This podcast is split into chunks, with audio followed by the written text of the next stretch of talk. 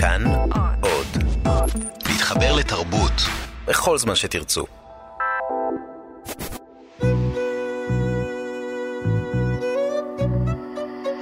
ליסה פרץ משוחחת. שלום לכם, מאזיני כאן תרבות. באולפן ליסה פרץ, ואני משוחחת עם אנשי ונשות תרבות על החיים והיצירה.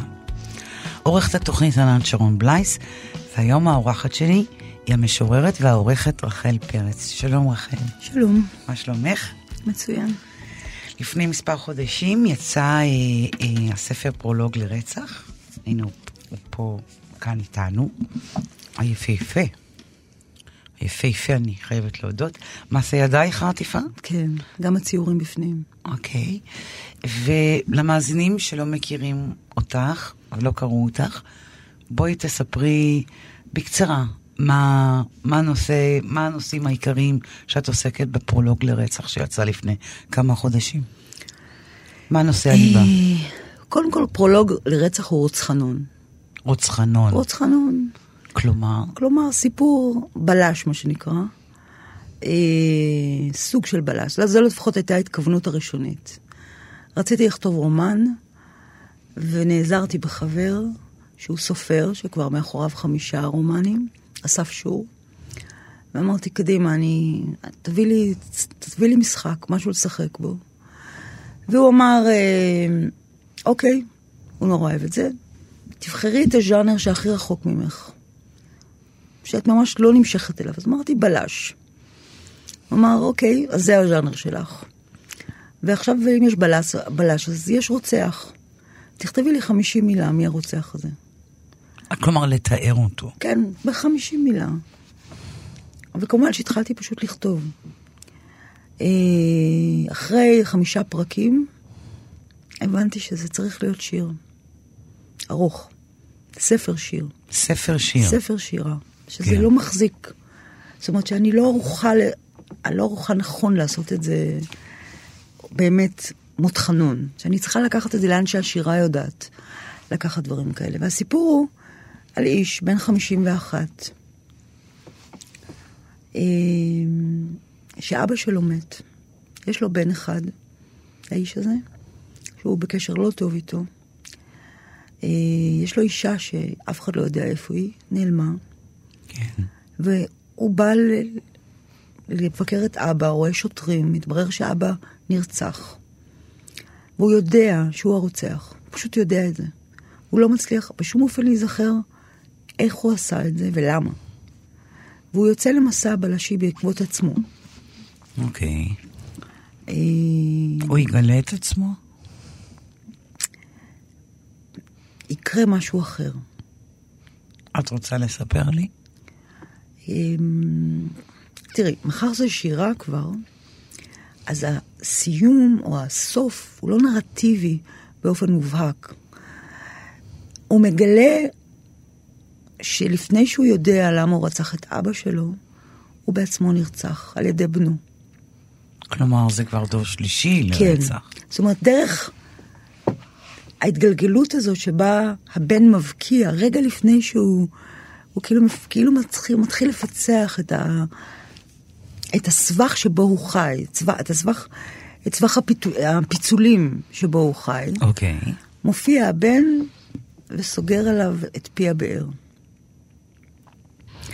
והטענה היא שמדובר כאן באיזשהו סוג של רצח מיתי. הרצח... אב, בן. כן, הרצח, ה, הרצח המלכתחילי. אנחנו נולדים, או גברים בעיקר, נשים נולדות לטרגדיות אחרות קצת. אבל אני חושבת שגברים נולדים אל בתוך, מותם. אל מותם. הסימבולי, הפרוידיאני, האמיתי, הממשי, התרבותי.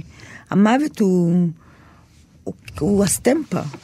איך היה לך לכתוב דמות של גבר מתוך גבר? קל. למה קל לך? לא יודעת, הכרתי אותו. קודם כל, את יודעת מה, זה לוקח אולי לשאלות של זהות. שזה חשוב. לגמרי. בשנים האחרונות אני נחשפת לסוגיית הזהויות. פעם זה בכלל לא העסיק אותי. תכף נגיע גם לזה. נגיע גם לזה. אבל בכל מה שנוגע לגברים ונשים, זה מאוד ברור לי שכולנו מחזיקים את שניהם במינונים שונים. ואני מכירה היטב את הגבר שלי, את הגבר שבי.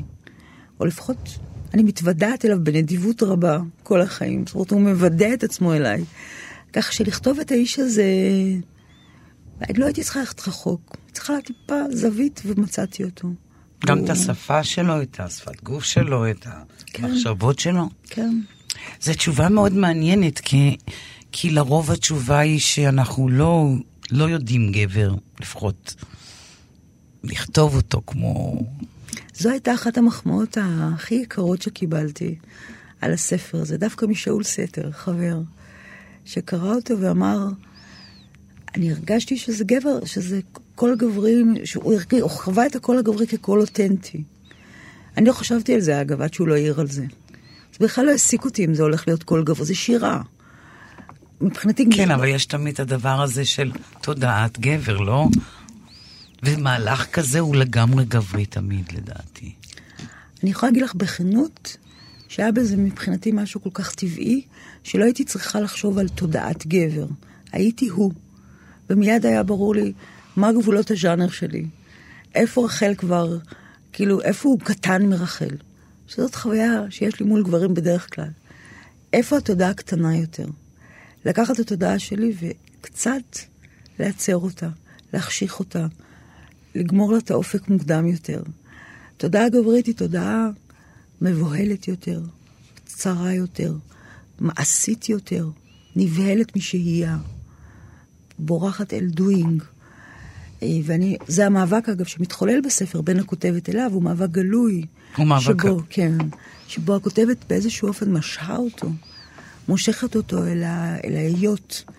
כשהוא, כל מה שהוא רוצה זה לברוח ממקום למקום, כי הוא חושב שהתשובה באמת נמצאת בעולם הממשי. אוקיי. Okay. הוא יגלה בעולם הממשי למה הוא רצח את אבא. הכותבת יודעת טוב ממנו. התשובה היא לא כתובה על קירות העולם. אוקיי. Okay. אז אני חושבת שהספר עוסק. אבל האמת, אם רוצים להגיד את זה, אני, אם אני אגיד את זה ממש בכנות, אמרתי רוצחנון, אמרתי רצח, ישבתי המון זמן ורק חשבתי על זה. האם אני מבינה רצח? האם אני בכלל יכולה להתקרב לאפשרות של לקחת חיים של מישהו אחר? ומה הייתה התשובה? התשובה הייתה, היה ברור לי שלא, זה לא ברפרטואר שלי. אני לא מבינה את זה, ואני רואה סדרות בלי סוף, אני מתה על סדרות משטרה. באמת? זה הדבר החביב עליי. באמת? איזה סדרה את רואה עכשיו, למשל? הבלש אמיתי. את אוהבת את זה? לא כל כך. זה פחות טוב ממה ש... כן, העונות הראשונות יותר עניינו אותי, העונה...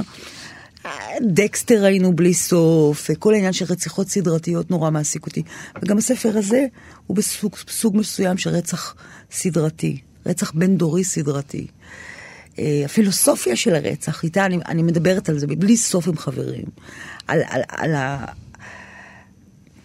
ההתגלגלות הזאת, הרוצח הנרצח, הקורבן התליין, השרשרת האינסופית של הדבר הזה. וכמה פרולוג לרצח בעצם אה, אה, מתכתב עם הספרים האחרים שכתבת? שגם הם מונחים פה לפניי, מעשה לוט, כיפה אדומה.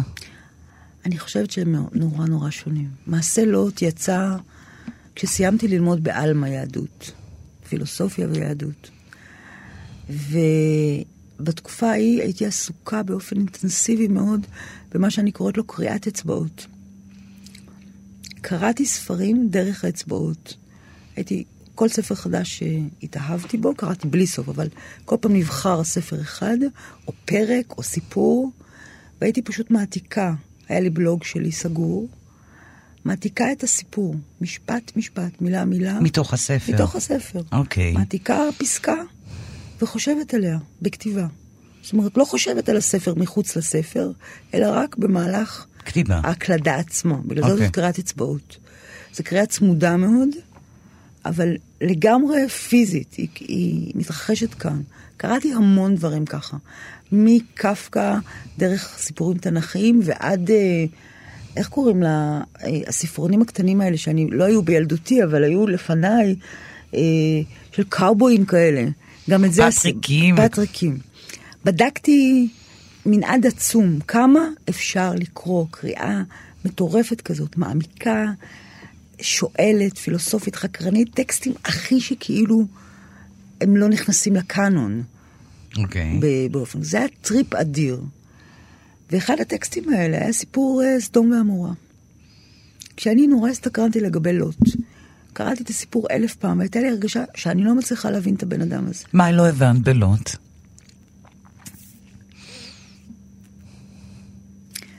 קודם כל, איש חי בעיר שמוגדרת כעיר של רשע, רשע מובהק, רשע כאידיאולוגיה, רשע כמרחב לגיטימי, כביכול.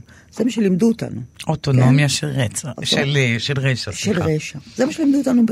אבל בכל בתיכון. אוטונומיה כזאת את זקוק ללוט. ואז יש לוט, ויש לו בנות, ויש לו אישה, והוא מארח בנדיבות רבה לתוך עיר שהוא יודע מה טיבה. הוא יודע לתוך איזה סכנה הוא מכניס את האורחים היקרים שלו. האורחים האלה נכנסים לתוך המרחב הזה.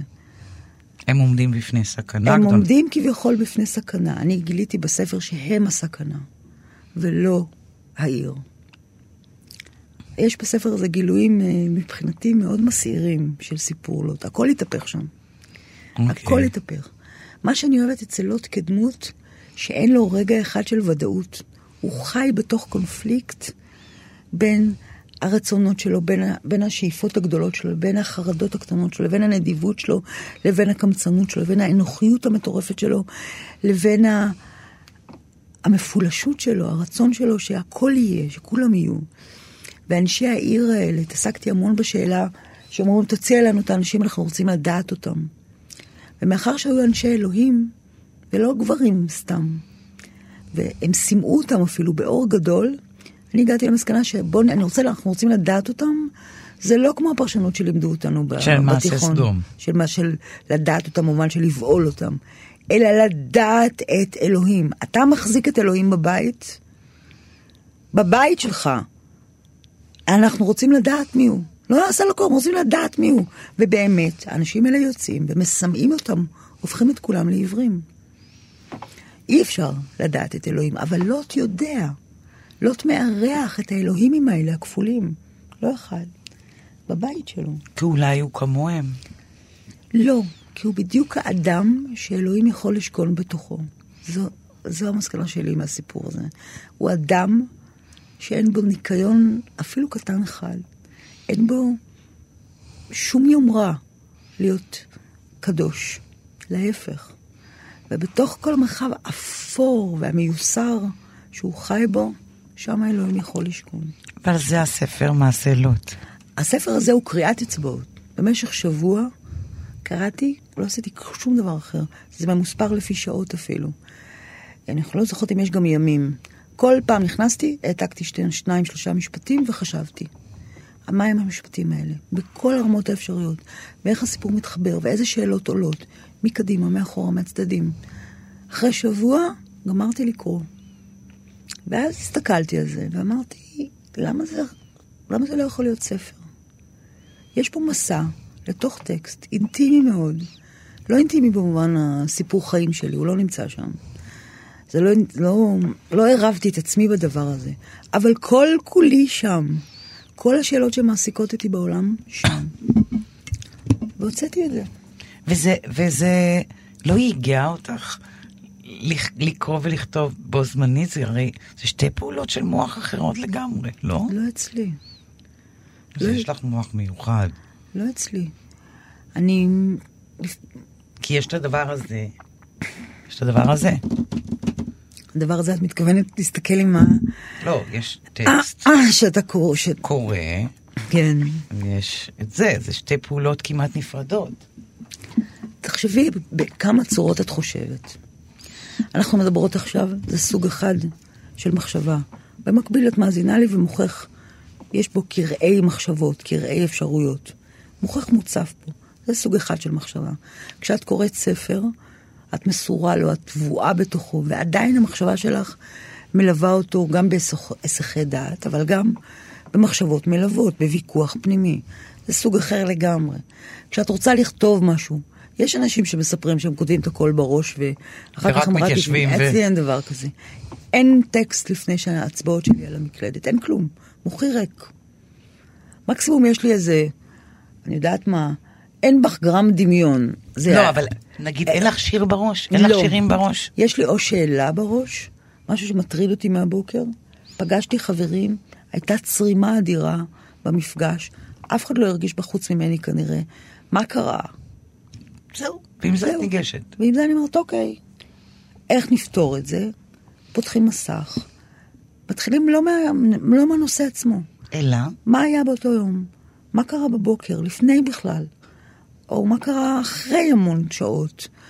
כאילו, תמיד החוט לא נמצא בלב של הדברים. תמיד החוט בצדדים שלהם, בזמן כלומר. אין לך את הדבר הזה.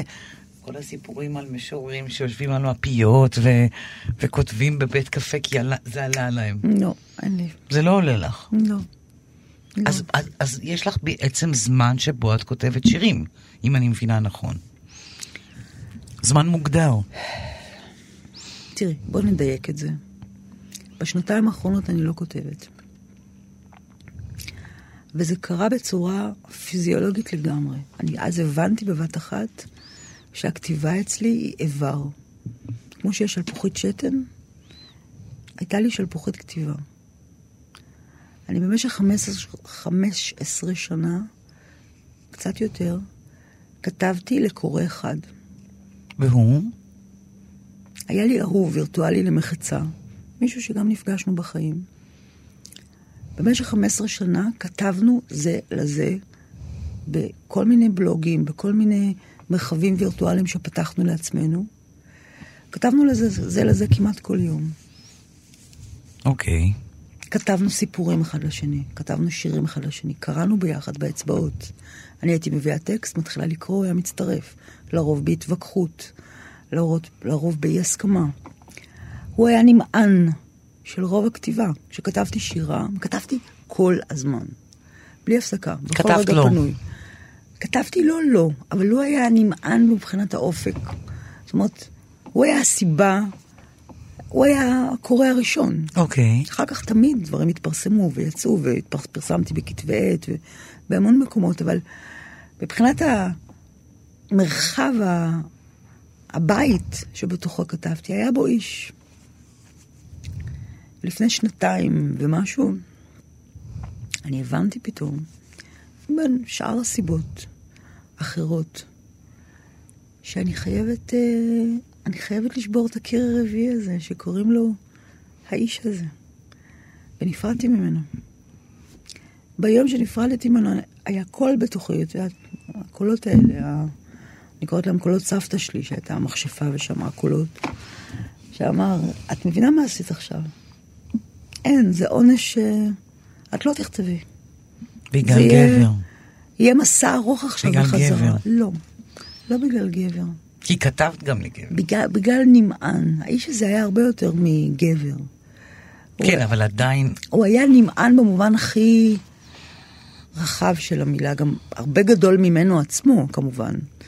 מהאיש עצמו שהייתי איתו בקשר. הוא תפס בראש שלי סוג של, כמו קהל. אה, אני שמחה שעשיתי את זה. אני נורא מפחדת לא לחזור לכתוב, אבל אני חושבת שזה איך פגשת את האיש הזה? ברשת. מה, מה משך אותך דווקא אליו? משפט, מילה, הוא היה חצוף, הוא היה מצחיק, הוא התווכח עם כולם, על כל דבר. הוא היה לא אהוב במיוחד על ידי כל מיני קהילות שהסתובב בהן. אפילו בזו לו משום מה. אה, הוא הצהיר מהר מאוד שהוא מרוקאי, שהוא מאיזה עיירה בצפון. אה, הוא מאוד אהב להתריס את קיומו הערסי. הוא באמת ערס. ו... והוא חזר אחריי, זמן מה. היה הולך אחריי בכל מיני מקומות ומגיב לי. ואני הסתכלתי, ואני, יש לי אינטואיציות חריפות לדברים האלה. כמעט כל אדם שהוא משמעותי בחיים שלי, ברגע המפגש הראשון אני יודעת מה יהיה טיב הקשר הזה. וגם איתו, ביום שראיתי את השם שלו, אמרתי לעצמי, בבקשה תיזהרי פה. זה ייקח מיליון שנה לצאת מהמקום הזה. זה לקח הרבה זמן. ואז היה רגע שבו אמרתי, טוב, נו, אי אפשר להיאבק בלי סוף כשמשהו עד, בא עד לדלת, ודופק ודופק. והתחלנו לדבר. אה, ולכתוב בעיקר. איך את מתייחסת לעובדה שהוא היה התמריץ לכתיבה? הוא לא היה תמריץ. הוא לא היה תמריץ. הנמען, האופק, התיבה שלתוכה משלשלים. תיבת תעודה. אפשר לקרוא לזה תיבת תעודה. קורים דברים כאלה. כי הוא תופס, הוא יודע על המקום שהוא תפס בתוך, בתוכך. עכשיו הוא יקשיב לתוכנית מן הסתם וידע. את עצובה שאת לא כותבת? באיזה מצב את מהדבר הזה? עצ- עצב זה לא המילה הנכונה. אני חייבת לכתוב. אני מחכה לעצמי במתח ובדאגה. אם זה לא יקרה בקרוב, זה לא יהיה טוב. זה מצב נפשי לא, מצב קיומי בכלל, לא סביר עבורי. האין כתיבה. באין כתיבה הזה אני הוצאתי את פרולוג לרצח. שכתבתי אותו לפני כמה וכמה שנים, ועכשיו ועכשיו חזרתי אליו והחלטתי שאת לא כותבת תארכי.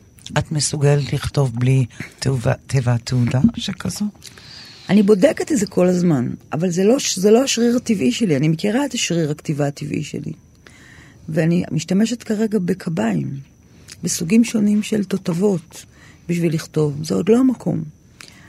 אני יודעת שחייב להיוולד מקום חדש.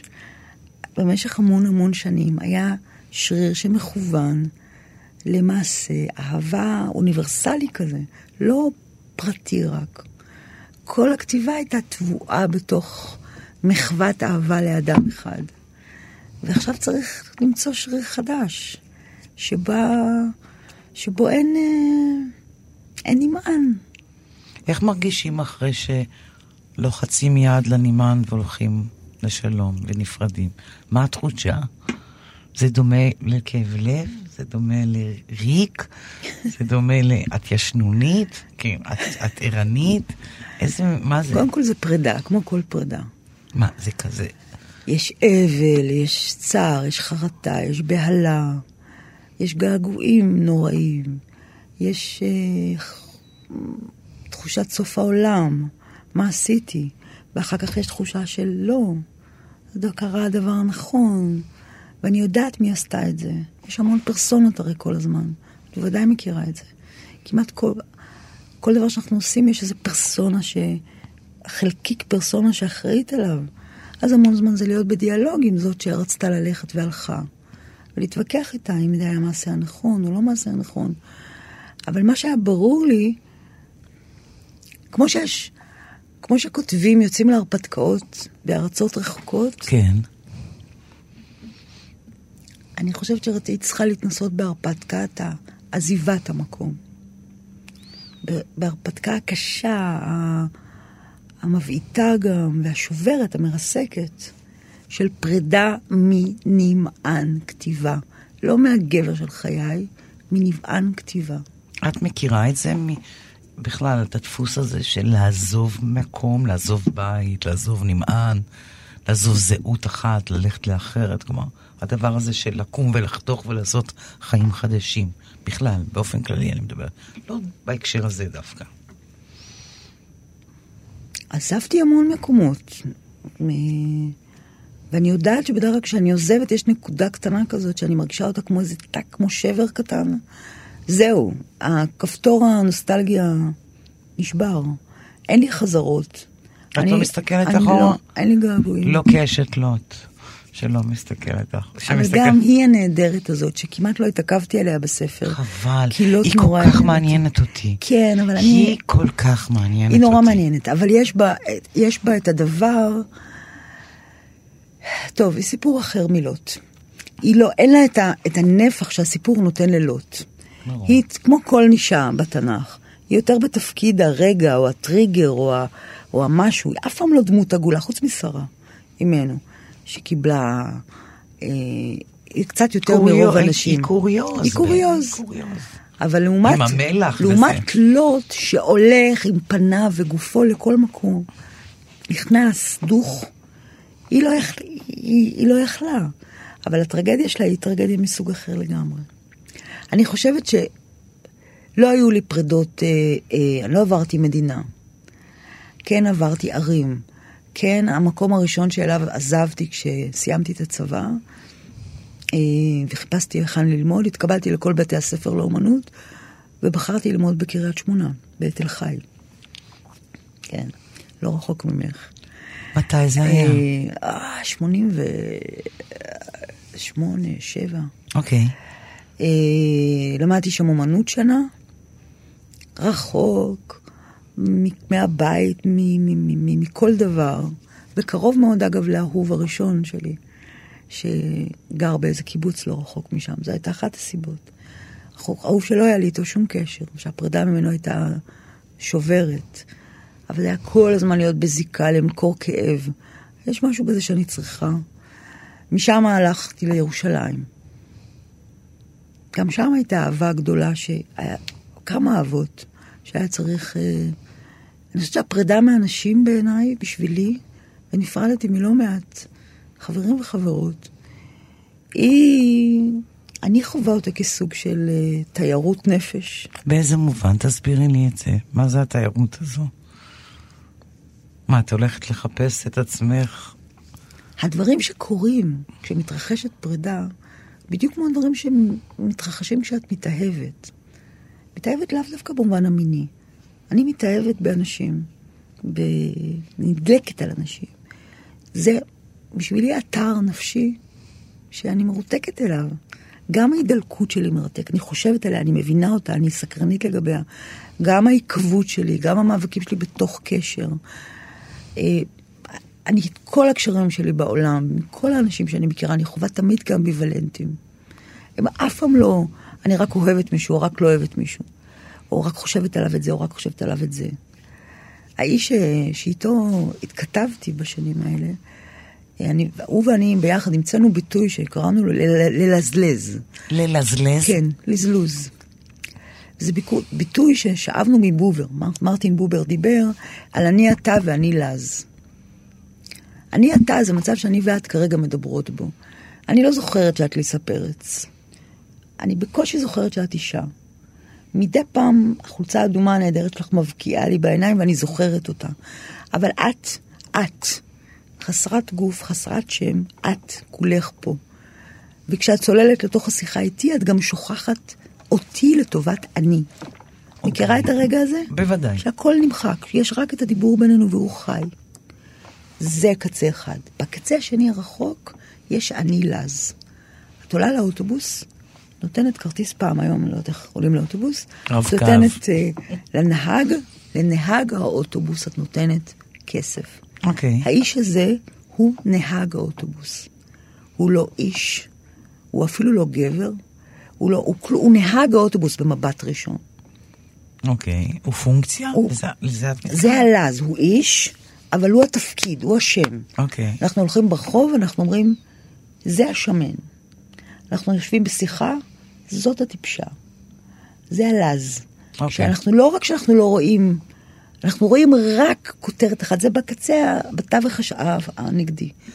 בין אני אתה הזה לאני לאז יש טווח עצום של אינטימיות, מכל הסוגים. כל הטווח הזה מתרחש במפגש בין אנשים. בשבילי זה גלקסיה. אני רואה את זה מסביבי ובתוכי בכל מפגש. אז הדבר הזה מסעיר אותי כמו כל בן אדם חדש. זה, זה לא מדינה חדשה, זה מרחב אנושי. וכך גם הפרידה, את אומרת? בות, כאילו על אותו כן. משקל. כן. אוקיי. הפרידה מפעילה על ה negative space שלה, של כל הדבר הזה. מה זה להישמט משפה שלמה, רגשית, פיזית, תרבותית, נגיד כמו מול האיש הזה שהתכתבתי איתו. ניואנסים שרק שנינו הבנו. את יודעת כמה דיברנו על אני אתה ואני לז הזה? מה זה נקרא ללזלז? ללזלז משהו זה קודם כל לראות אותו. אם אני אומרת... להבחין, לסמן אותו. להבחין, לסמן אותו. אוקיי. אני מלזלזת אותך, אני אומרת מי את, מה את לובשת, איך את נראית, מה שפת הגוף שלך. אני נותנת לך שמות.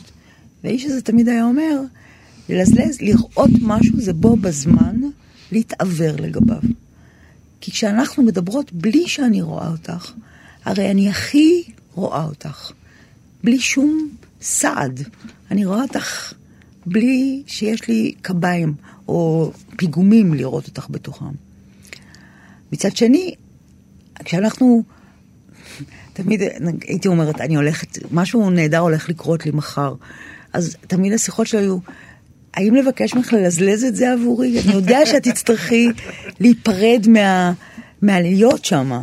אל תחשבי עליי כשאת שם, הוא היה אומר, כדי שלא תתלזלזי תוך כדי הדבר, כדי שתוכלי לטבוע בו לגמרי. מחר, עוד שבוע, כש, כשהדבר, תיפרדי ממנו קצת, אז נלזלז אותו איכשהו יחד. זה ביטוי נפלא. זה ביטוי נפלא, אני לא מבינה איך לא, לא ימצאו אותו בכל מקום. ליסה פרץ משוחחת. כאן באולפן איתי המשוררת והעורכת רחל פרץ. תגידי, רחל, מה, מה הרקע שלך? איפה, איפה גדלת? מאיפה בא עולם הכתיבה? באיזה בית גדלת שהוליד אישה כותבת? את באה ממשפחה שכתבו בה? לא, אף אחד לא כתב, אבל סבא משה שלי, שמככב בפרק הפתיחה של מעשה לוט, והוא מצד אביך? הוא מצד אימא שלי. אימך, אוקיי. הוא, אימא שלי, המשפחה שלה עלתה מסוריה, מחלב. היא נולדה בארץ כבר. אבל סבא משה, שבקושי דיברתי איתו, בקושי החלפתי איתו מילים, הוא מת כשהייתי ילדה קטנה, יחסית. או לא, כבר הייתי גדולה, אבל לא דיברתי איתו. הוא היה מספר סיפורים. מאוד בסוריה, בבית הכנסת. הוא היה מדליק איזה נרגילה, היה עושה ג'סטה קטנה שאשתו מיד הייתה יודעת שהנה הוא רוצה לספר. תוך שנייה כל השכנים היו באים, כל הילדים היו מתקבצים והיה לו קהל. וסבתא הייתה מספרת, סיפרה לי פעם, אה, סבתא רחל, קראו לה אני על שמה, שהוא היה מספר סיפורים במשך ימים, שחרזד כזה. סיפורי הרפתקאות מסמרי שיער. כמה שנים לפני שסבתא מתה, באתי לבקר אותה לבד, אישה מאוד סגורה וחלבית. אה, קשים האנשים האלה. אריסטוקרטי. בחייאת סבתא, אמרתי לה, עמוד פידי, כמעט הרגה אותי. עמוד פידי בחלבית זה עמוד בידיים שלך, רק לסבתא מותר להגיד את זה. זה הכפרה של הסורים, כן? עמוד? עמוד פידי, פידי. פידקי. ש... נגיד רוצה לבקש ממך משהו, אז היא אומרת עמוד פידקי, כאילו, אני, אני, אני אמות לפנייך, אני אמות בידייך, תביא לי כוס מים. אז אמרתי, סבתא, עמוד פידי, ספרי לי סיפור של סבא. אחד שהוא סיפר. כי איש לא זכר. המיתוס של סבא מספר סיפורים, ואף אחד לא יודע לספר לי. אפילו סיפור אחד. כי צריך כישרון לזה, לא כל אחד תקשיבי, יודע. ואני אמרתי לעצמי, מה אני, והיא אמרה, מה פתאום? את לא מבינה, סבא היה מספר. מה את רוצה, שאני אספר סיפור? אמרתי לה, את זוכרת אבל? היא אמרה, בטח שאני זוכרת, הרבה סיפורים. אמרתי, אז מה אכפת לך? תספרי לי אחד, לא מגלה לאף אחד, אני פה איתך. ותקשיבי, היא פתחה את הפה, האישה הזאת, היא עיוורת לגמרי. אחת הנשים החדות והמבעיטות שהכרתי. אבל סיפרה סיפור, אמרתי, סבתא, את בטוחה שסבא היה מספר סיפורים, ולא את? היא סיפרה סיפור כמו בחלומות. סיפור נסיכים ו- וממלכה ומין שילוב של בין החתול במגפיים לכיפה אדומה, משהו מטורף, יהודי כמובן, היהודי הטוב והגוי הרע, שזה מוטיב כמובן שחוזר, עם ניואנסים, עם עלייה, עלייה וירידה בטון. אני, אני, אני, השערות נשרו לי. עכשיו, היא עיוורת, אז היא לא רואה את הבאות שלי, אני פשוט הרשיתי לעצמי כל הבאה שבעולם מתוך זה. סיפרה לי אולי שעתיים סיפור, גמרה לספר. אני לא הצלחתי להוציא מילה מהפה מרובל. שתביני, שעתיים לא הוצאתי מילה. מדי פעם היא הייתה שמה יד על היד שלי לראות שאני שם. ושמתי את היד חזרה כדי להגיד, אני מקשיבה לך. אז היה לי סבא כזה, שאני לא שמעתי אותו אפילו פעם אחת מספר. פעם אחת לא שמעת אותו? אבל את סבתא שמעתי. אה, קראת? כתבת מגיל צעיר? קראתי בלי סוף. אבל קראתי כמו שקוראים ביפו ג'. מה זה אומר? אני גדלתי ביפו ג'. ביפו ג', לכל אישה או נערה שמכבדת את עצמה, היה בבית שק, גדול או קטן. שק? מלא רומן רומנטי. זוכר את הרומן רומנטי הקטנים? כן.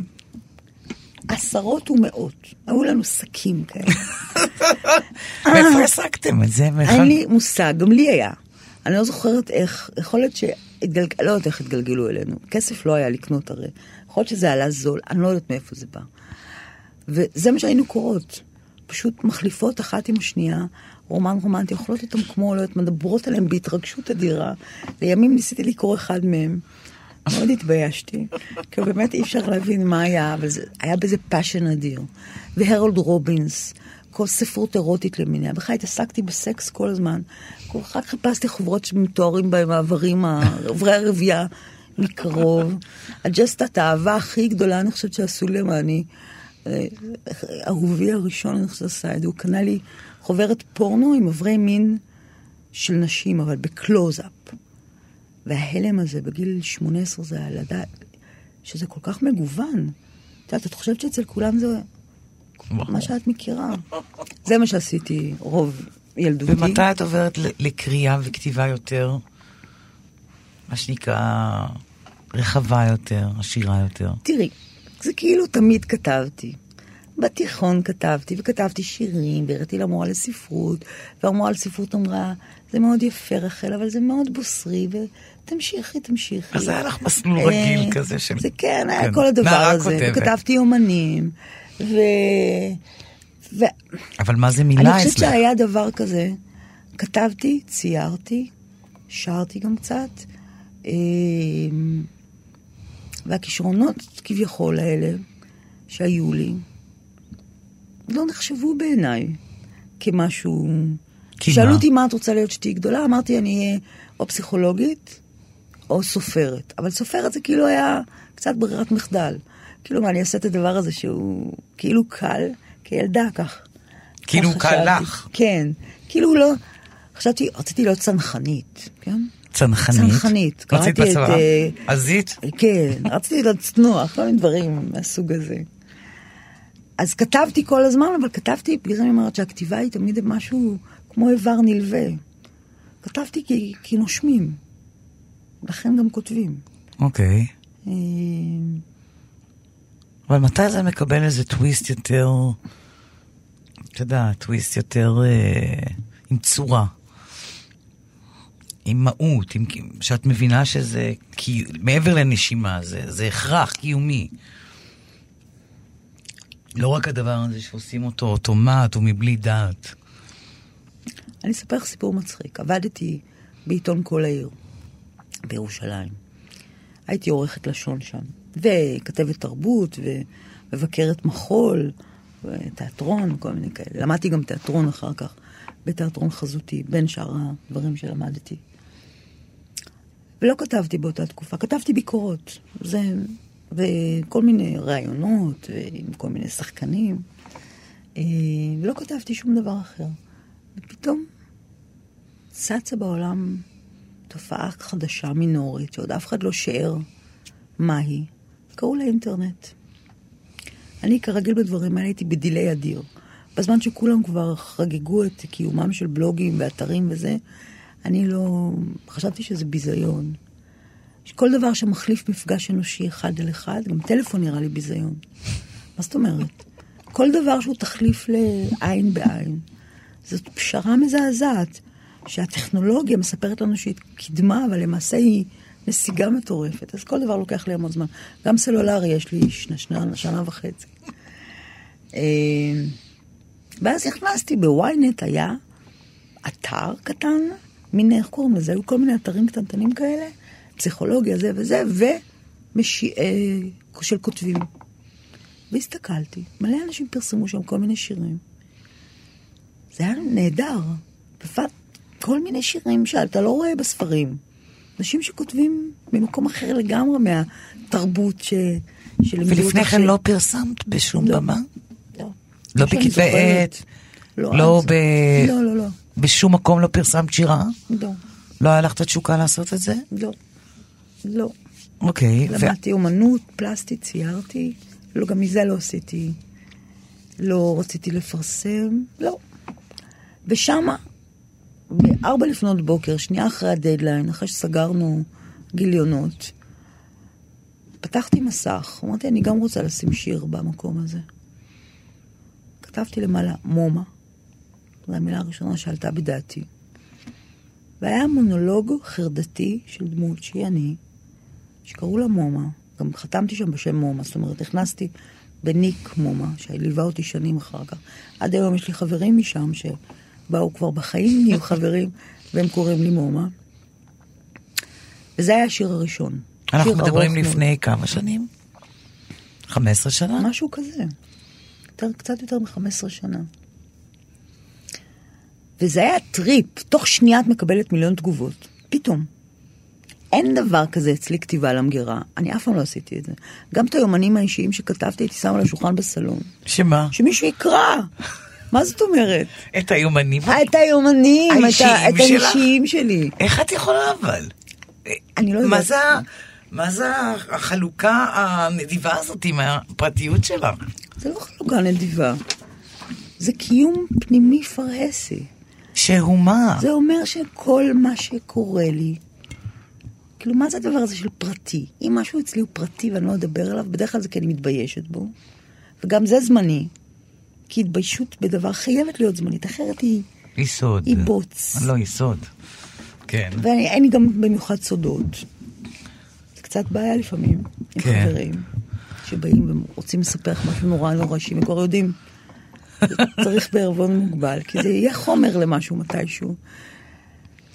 תראי, תמיד אומרים את זה על פסיכולוג, שבמה מה חומרי העבודה של פסיכולוג? הנפש שלו.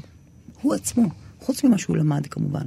כשאתה יושב כפסיכולוג מול מטופל, מה הכלים שלך לעזור לו? הקול שלך, הנוכחות שלך, הרחבות הפנימית שלך, כמה אתה יכול להכיל, יכולת האמפתיה שלך, וגם קצת התובנות שלך בעקבות הניסיון שלך. ו...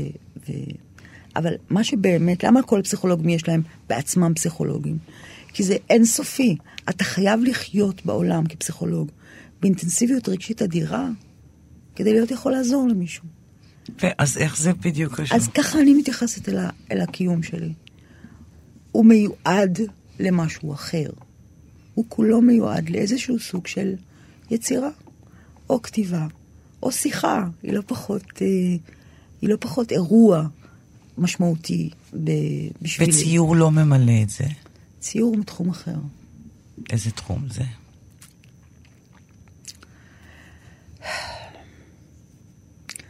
ציור זה סוג של חלימה בהקיץ. אוקיי. אין לי מושג מה קורה כשאני מציירת.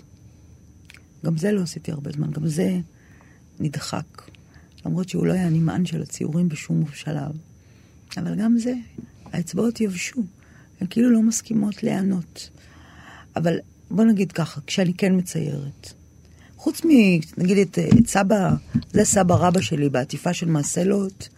זה מצי- סבא רבא שלך? סבא רבא רבא. איך קוראים לו? שאול. שאול. שאול נקש. נקש. איזה ציור נהדר. אני מצאתי צילום ישן שלו, קרוע, ופשוט ישבתי וציירתי אותו, מהצילום. אוקיי. כשהבאתי אגב את הספר הזה למשפחה שלי, למשפחת נקש, הם אמר, לפחות דוד אחד פרץ בבך, הוא אמר, זה סבא שאול. מה את עושה? מה זה? איפה, מאיך בא סבא שאול? זכרו אותו. זה היה נורא מרגש. אבל כשאני מציירת זה בדרך כלל מרחב שבו אני לא יכולה לצייר על נייר לבן אף פעם. זה חייב להיות משהו עם טקסטורה. הציור כבר חייב להיות שם. לנייר חייב להיות... כלומר, את מתמזגת בתוך אני ציור. מסתכלת, אני שמה את העט, מתחילה ללכת בעקבות הקווים שכבר יש שם, ונהיה דבר. נהיה דבר, את יכולה לראות בציורים בפרולוג לרצח, שזה מקצת, זה פרגמנטים מהציורים. ציורים מאוד קטנים, אני מציירת קטן. מיניאטורות. עמוסות, אה, בדרך כלל סיוטיות מאוד, מתברר. זאת אומרת, אני מסתכלת, אני אומרת, מה זה הדבר הזה? הנה, כמו העטיפה של הפרולוג. מאיפה הוא. הגיע? כן. זה טריפ אחר לגמרי. אני חצי ישנה כשאני מציירת. המוח שלי נתון לגמרי למוזיקת הציור. אין לי מחשבות, אין לי ניחושים, אין לי רצונות. זה המצב מבחינתי אחד המצבים הפלאיים האלה, שאני ישנה לגמרי וערה לגמרי, בו בזמן. וזה רק הציור יודע לתת לי. כתיבה עושה בדיוק הפוך. כתיבה מכניסה אותי למקום של ערנות כפולה ומשולשת. אני גם נוכחת בכתיבה, אני גם קוראת את עצמי כל הזמן. אני גם עורכת את עצמי כל הזמן, ואני גם דוברת את שמו של הנמען שלי. זאת אומרת, ויש עוד, עוד התפצלויות. ציור בדיוק הפוך. את מסוגלת לקיים את הציור ואת הכתיבה ביחד? לא, אין להם, בעת ובעונה אחת? אין להם שום צורך לחיות בכפיפה אחת. לא, כלומר, לקיים חיים שיש בהם גם את זה וגם את זה. בטח. אלה, זה, שם אני בשיא חיי. כשאני מציירת וכותבת באותה תקופה, אני לא צריכה כלום יותר. אני לא צריכה שום דבר יותר בעולם הזה. יש לי את שני הערוצים הכי סמבטיונים לעולם הזה. זהו, מה עוד צריך? אבל עכשיו את אומרת קצת, יש איזה יובש. כן. אבל בתוך היובש הזה, גם יצא פרולוג לרצח, ואני עובדת עכשיו על ספר רביעי. כשהבנתי שאני לא אכתוב, אמרתי, אוקיי, לא אכתוב, אין, חייבים לעשות משהו בתוך זה.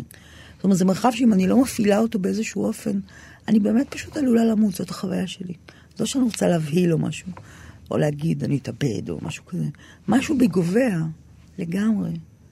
ואני... אז אני... איך את תפעילי את הרביעי שלך? תספרי לי. לקחתי מתוך התיקיות שלי עשרות שירים ישנים. רובם לא התפרסמו בשום מקום עדיין. חלקן, מקצתן כן, כן התפרסמו. שפכתי אותם לתוך קובץ אחד. ואני פשוט מתחרעת על זה. מש... לוקחת משפט מפה, משפט משם, שוברת את השירים לחלוטין. בונה מהם נרטיב שהולך להיות כמו פרולוג לרצח, נרטיב אחד, סיפור. סיפור עם גיבורים, סיפור, אבל אני לא מוסיפה מילה. אני לא יכולה גם לכתוב מילה חדשה. זה הכל ברדי מייד של, של השירים הישנים. כלומר, את לוקחת את הקיים? אני לוקחת את הקיימים, אני מפרקת אותם.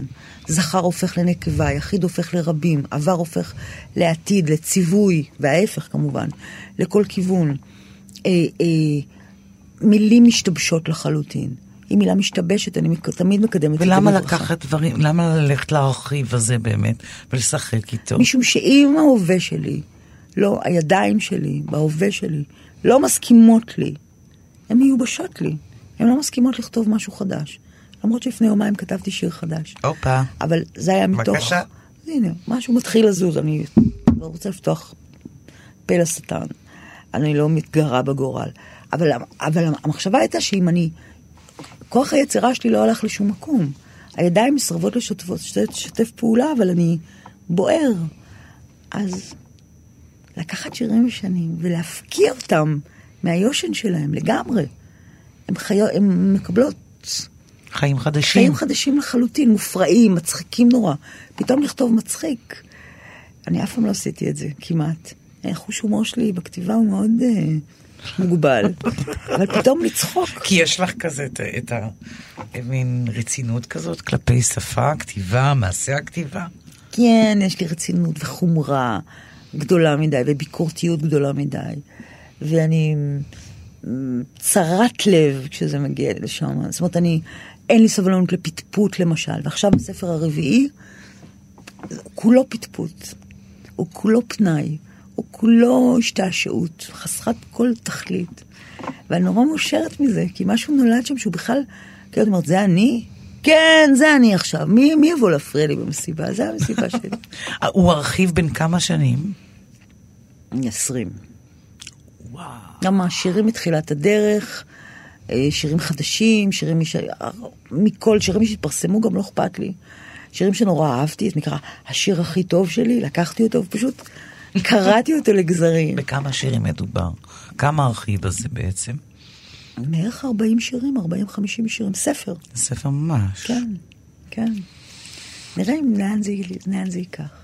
אני בטוחה שזה ילך לספר רביעי, אני בטוחה. אני מקווה. אה, זהו, אה, השיחה הגיעה אל קיצה. וואו. ומהר. מדי לטעמי. לגמרי. היה לי העונג לארח אותך, רחל פרץ. ולי היה עונג להתארח, תודה רבה. תודה רבה. עד כאן השיחה עם המשוררת והעורכת, רחל פרץ, באולפן ליסה פרץ. עורכת התוכנית ענת שרון בלייס. אפשר להזין את תוכנית זו ואחרות ביישומון כאן אודי. תודה לכם מאזינים ולהתראות.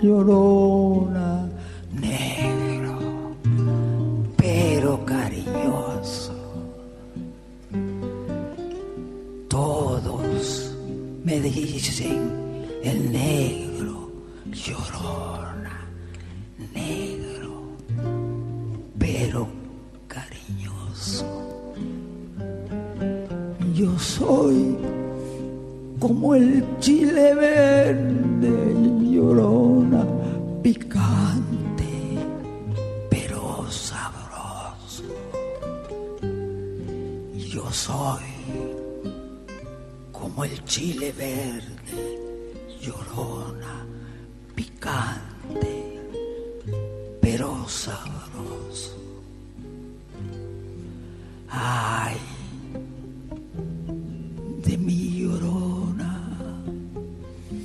llorona, llévame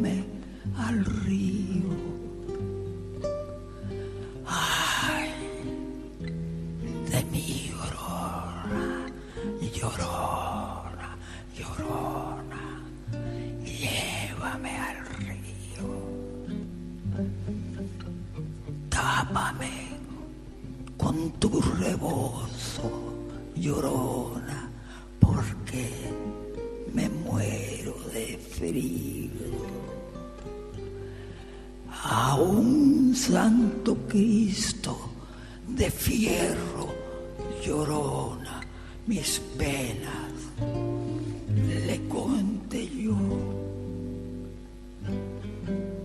A un santo Cristo de fierro llorona mis penas le conté yo